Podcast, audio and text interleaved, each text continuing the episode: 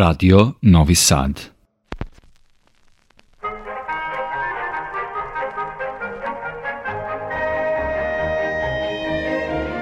Putevima muzike. Vodi vas Olena Puškaš.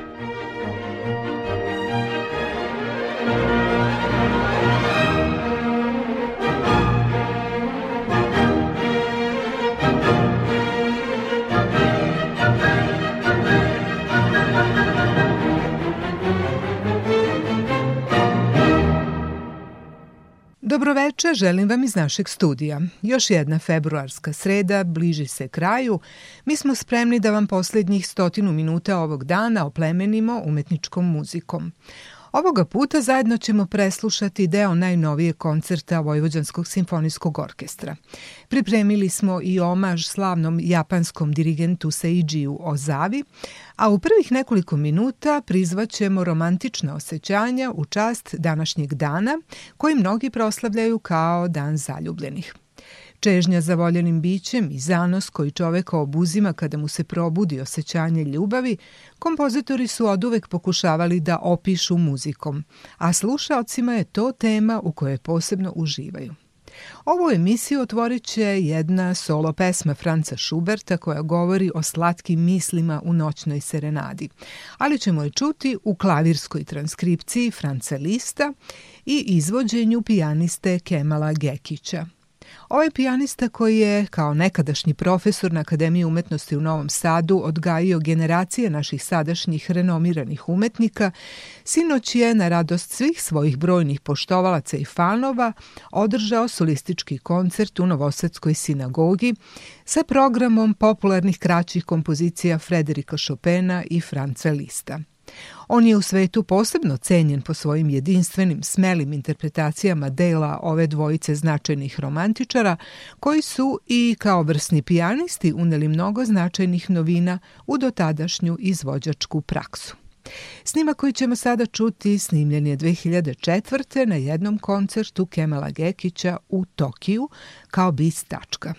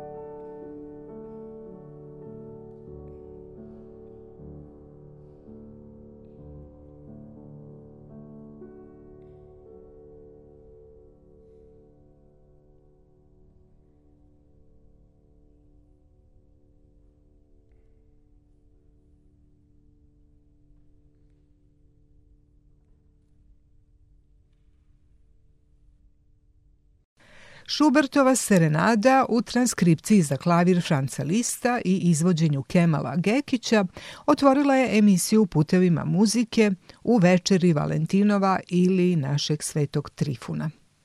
A sada prelazimo na najnoviji snimak naše produkcije napravljen 9. februara u sinagogi na koncertu Vojvođanskog simfonijskog orkestra koji je kao dirigent vodio gost iz Meksika Vladimir Sagajdo.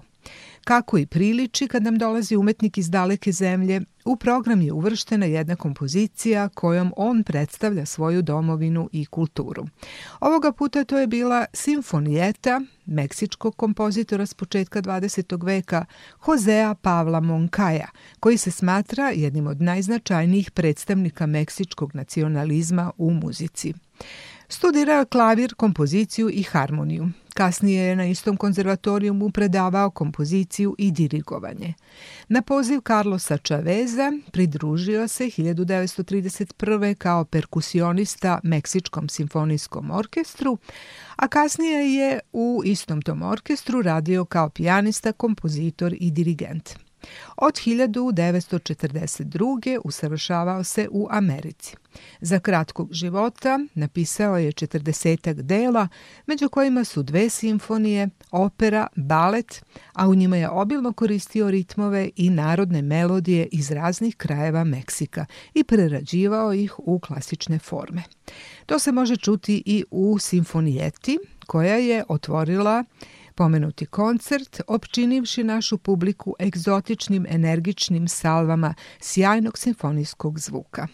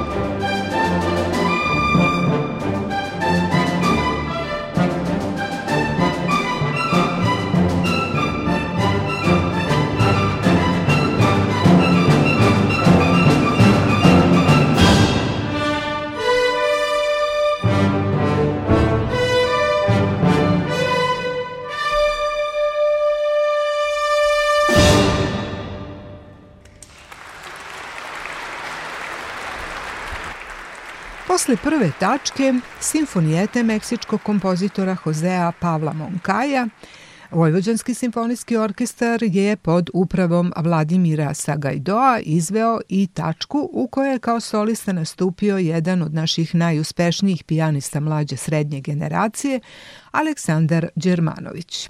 Njegov izbor je bio koncert broj 1 ruskog kompozitora Nikolaja Metnera, koji ovde nikada ranije nije izveden, tako da je već ta činjenica sama po sebi bila dovoljna da izazove veliko interesovanje i radoznalost publike. Pored toga, uvek je zadovoljstvo slušati sveže, samouvereno, do perfekcije doterano izvođenje Đermanovića, koji se svojevremeno, kao izuzetno perspektivan talenat, usavršavao u Londonu i Salzburgu. Potom je stečeno znanje i iskustvo počeo da prenosi studentima na Akademiji umetnosti u Novom Sadu, gde sada ima zvanje docenta na katedri za klavir i ujedno završava doktorat pod mentorstvom profesora Dorijana Leljaka. Što se tiče Nikolaja Metnera, On je početkom 20. veka bio jedan od najznačajnijih ruskih kompozitora zajedno sa Skrijabinom i Rahmanjinovim i gotovo kultna ličnost za čitavu generaciju ruske intelektualne elite. Bio je veliki pijanista, izuzetan mislilac kog su poštovali savremenici kao što su Nikiš, Kusevicki, Glazunov, Rahmanjinov, Prokofjev.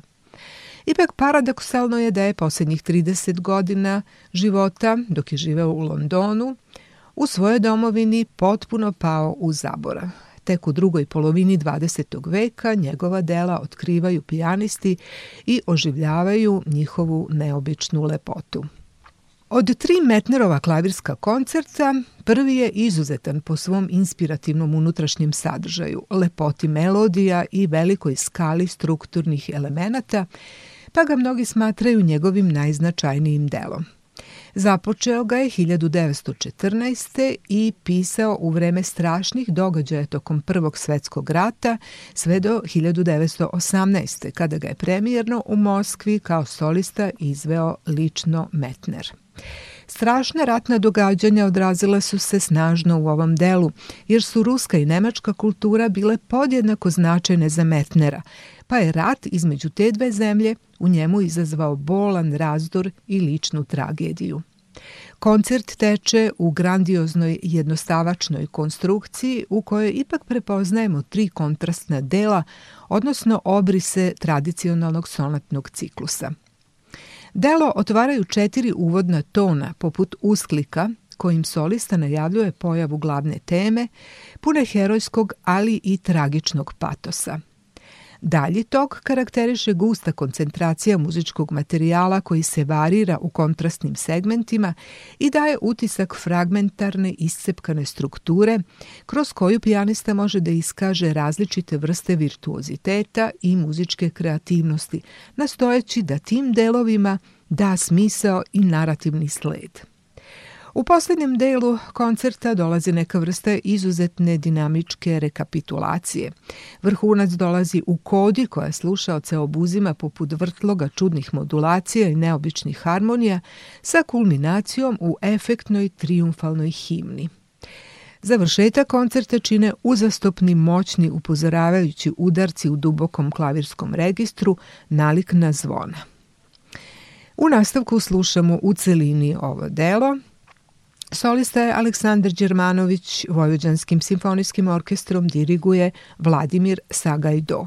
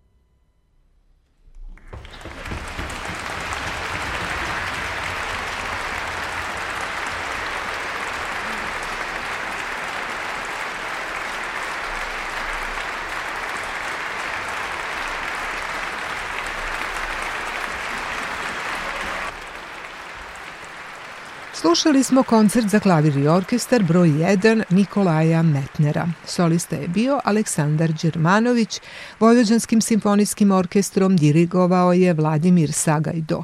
Snimak je napravila tonsko-produkcijska ekipa Radio Novog Sada 9. februara u Novosadskoj sinagogi. Putevima muzike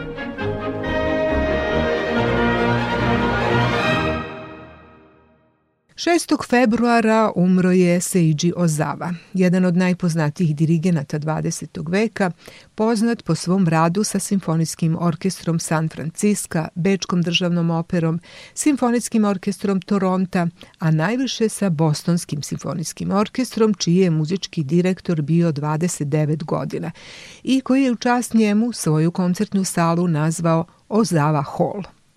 U nastojanju da spoji japanske orkestre i izvođače s međunarodnim umetnicima, Ozava je 1992. zajedno sa Kazuyošijem Akiyamom osnovao Saito Kinen orkestar.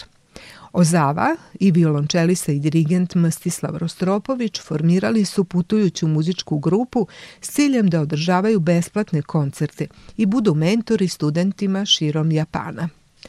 Ono što je još u Ozavinoj karijeri privuklo veliku pažnju najšire javnosti bilo je monumentalno izvođenje Ode radosti iz Beethovenove devete simfonije na ceremoniji otvaranja zimskih olimpijskih igara 1998. u Naganu u Japanu, u koje su bili uključeni horovi iz Pekinga, Berlina, Cape Towna, Njujorka i Sidneja, kao i publika na olimpijskom stadionu u Naganu. To je bio prvi put da je simultano izveden međunarodni audiovizualni performans. Ozava je izvodio izuzetno širok repertoar, ali je posebno bio zagovornik klasične muzike 20. veka, dirigujući premijerama brojnih dela, posebno Ligetija i Mesijana. Između ostalog, publika ga pamti i po nestandardnoj koncertnoj garderobi. Umesto fraka i bele košulje s leptir mašnom, on je nosio tradicionalnu japansku crnu odoru s belom rolkom. U slavu o Zavi, izvršni direktor Bostonskog simfonijskog orkestra Chad Smith je na početku koncerta 9. februara izgovorio reči zahvalnosti nekadašnjem dugogodišnjem vođi, rekavši između ostalog da je svet ostao bez velikog titana klasične muzike. Zatim je izvedena Bahova arija u G-duru, koju je tokom svog života maestro Ozava često izvodio u raznim tužnim prilikama. Sada ćemo čuti jedno njegovo izvođenje ove Bahove kompozicije, a ono je upriličeno u Tokiju na humanitarnom koncertu posle razornog zemljotresa koji je pogodio Japan 1995.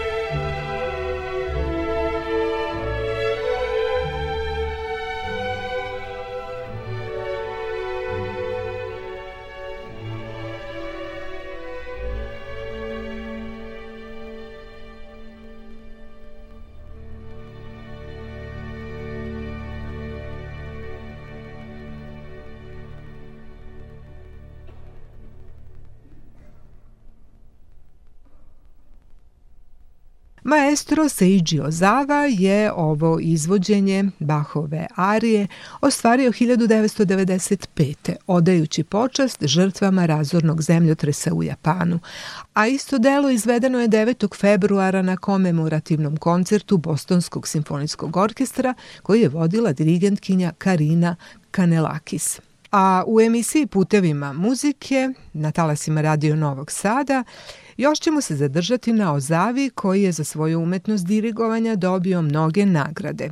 Između ostalog i dva Emija, Japanski orden kulture i Grammy 1981. u kategoriji izvođenja soliste i orkestra. U pitanju je snimak dva remek dela koncertantne literature 20. veka. To su koncerti za violinu Albana Berga i Igora Stravinskog, na kom je Ozava dirigovao Bostonskim simfonijskim orkestrom, a solista je bio violinista Isak Perlman. Sada je to antologijski muzički zapis i ja ću delove tog materijala podeliti s vama. Čućemo dva završna stava koncerta Igora Stravinskog, koji se inače sastoji od četiri kratka stava, ti nazivi su Tokata, Arija 1, Arija 2 i Capriccio. Oni su toliko efektni i slikoviti da ih je Georges Balanchine koristio u svojim baletima. Sada slušamo snimak diskografske kuće Deutsche Grammophon iz 1980. za koji su, kao što sam već rekla, Isaac Perlman i Seiji Ozawa dobili Grammy nagradu.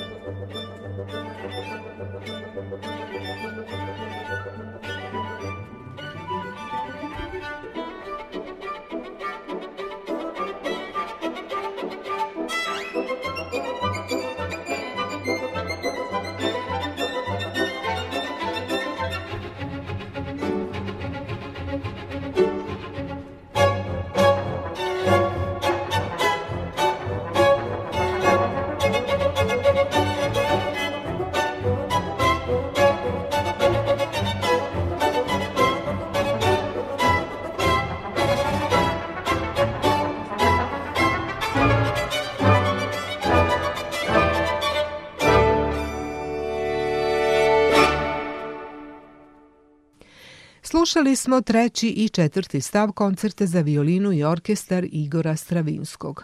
Solista je bio Jicek Perlman, Bostonskim simfonijskim orkestrom dirigovao je Seiji Ozawa. Taj snimak je ovekovečen na kompakt izdanju Deutsche Gramofona 1980. A za njega su i solista i dirigent Ozawa nagrađeni nagradom Grammy u kategoriji orkestarskog dela sa solistom. U nastavku emisije Putevima muzike čućemo odlomak i iz drugog violinskog koncerta koji se nalazi na tom istom izdanju. A radi se o verovatno najpoznatijem i najčešće izvođenom delu Albana Berga, nastalom 1935. Berg ga je pisao paralelno sa operom Lulu, pokušavajući da u njemu pomiri dijatonski i dodekafoni princip. Delo ima podnaslov Sećanje na anđela, a impuls za pisanje Berg je dobio nakon smrti Manon Gropius, čerke Alme Maler i Valtera Gropiusa, koja je umrla u svojoj 18. godini. Komad bi se mogao shvatiti kao muzička priča o njenom životu i smrti, ispričana u dva stava. Jedan je fokusiran na život, dakle njeno rođenje i adolescenciju, a drugi o njenoj bolesti, smrti i preobraženju. Berg je potrešen ovim događajem grozničavo radio na delu i završio ga za svega nekoliko meseci. Smatra se da je njegov rad na koncertu u velikoj meri odgovoran za to što nije uspeo da završi operu Lulu pre smrti, tako da je zvanično taj koncert njegovo poslednje delo. Sada slušamo prvi deo koncerta, Andante Allegro, Izvođači su vrhunski majstori svoje umetnosti, violinista Jicak Perlman i dirigent Seiji Ozawa uz Bostonski simfonijski orkestar.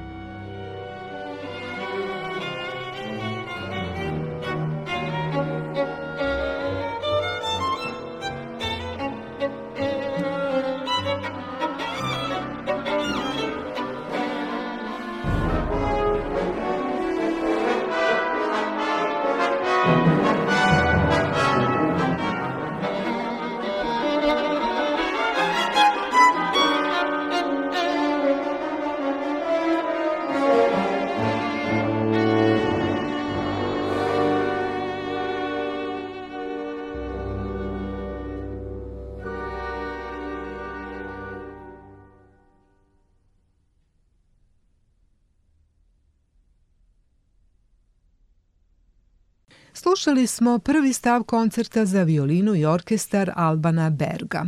Solista je bio Icak Perlman, a Bostonskim simfonijskim orkestrom dirigovao je Seiji Ozawa.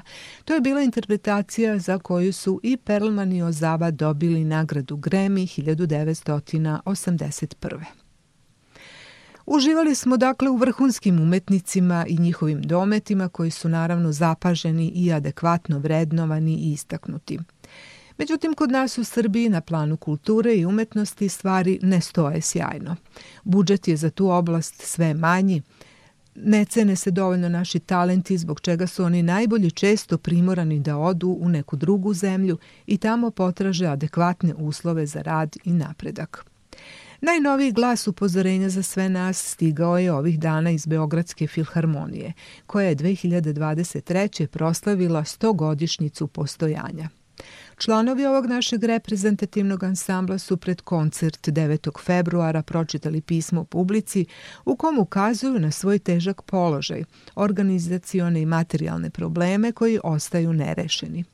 Oni podsjećaju da je i posle više od dve godine od smrti Ivana Tasovca Beogradska filharmonija još uvek u VD statusu i da svoj stogodišnji jubilej slave sa najmanjim platama orkestarskog muzičara u regionu, sa sramno malim budžetom iz godine u godinu, bez direktora, bez reklame, bez obnovljene koncertne uniforme već 10 godina i bez čvrstih uverenja da će se zidati nova koncertna dvorana.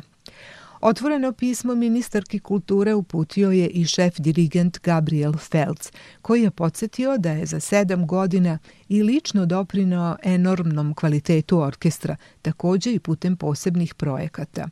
U te projekte se ubrajaju Beethoven Maraton 2022. tokom kojeg je Beogradska filharmonija sa sjajnim nastupom gostovala u Nemačkoj. Zatim snimanje posljednjeg CD-a Beogradske filharmonije s monumentalnom simfonijom Reinholda Gliera, koja je širom sveta od Njujorka do Londona entuzijastično ocenjena. Ili prvi veliki koncert orkestra na otvorenom u 2017. godini u bloku 13, koji je pratilo preko 30.000 slušalaca, a dirigentsko voćstvo bilo je povereno njemu i slavnom maestru Zubinu Mehti. Mi naravno podržavamo i filharmoniju i ulaganje u kulturu koja ima veliki uticaj na mentalno stanje nacije. I u to ime ovu emisiju ćemo završiti izvođenjem zabeleženim 20. juna 2023. u Kolarčevoj zadužbini na gala koncertu povodom veka Beogradske filharmonije. Beethovenovom sedmom simfonijom tada je dirigovao Zubin Mehta. Thank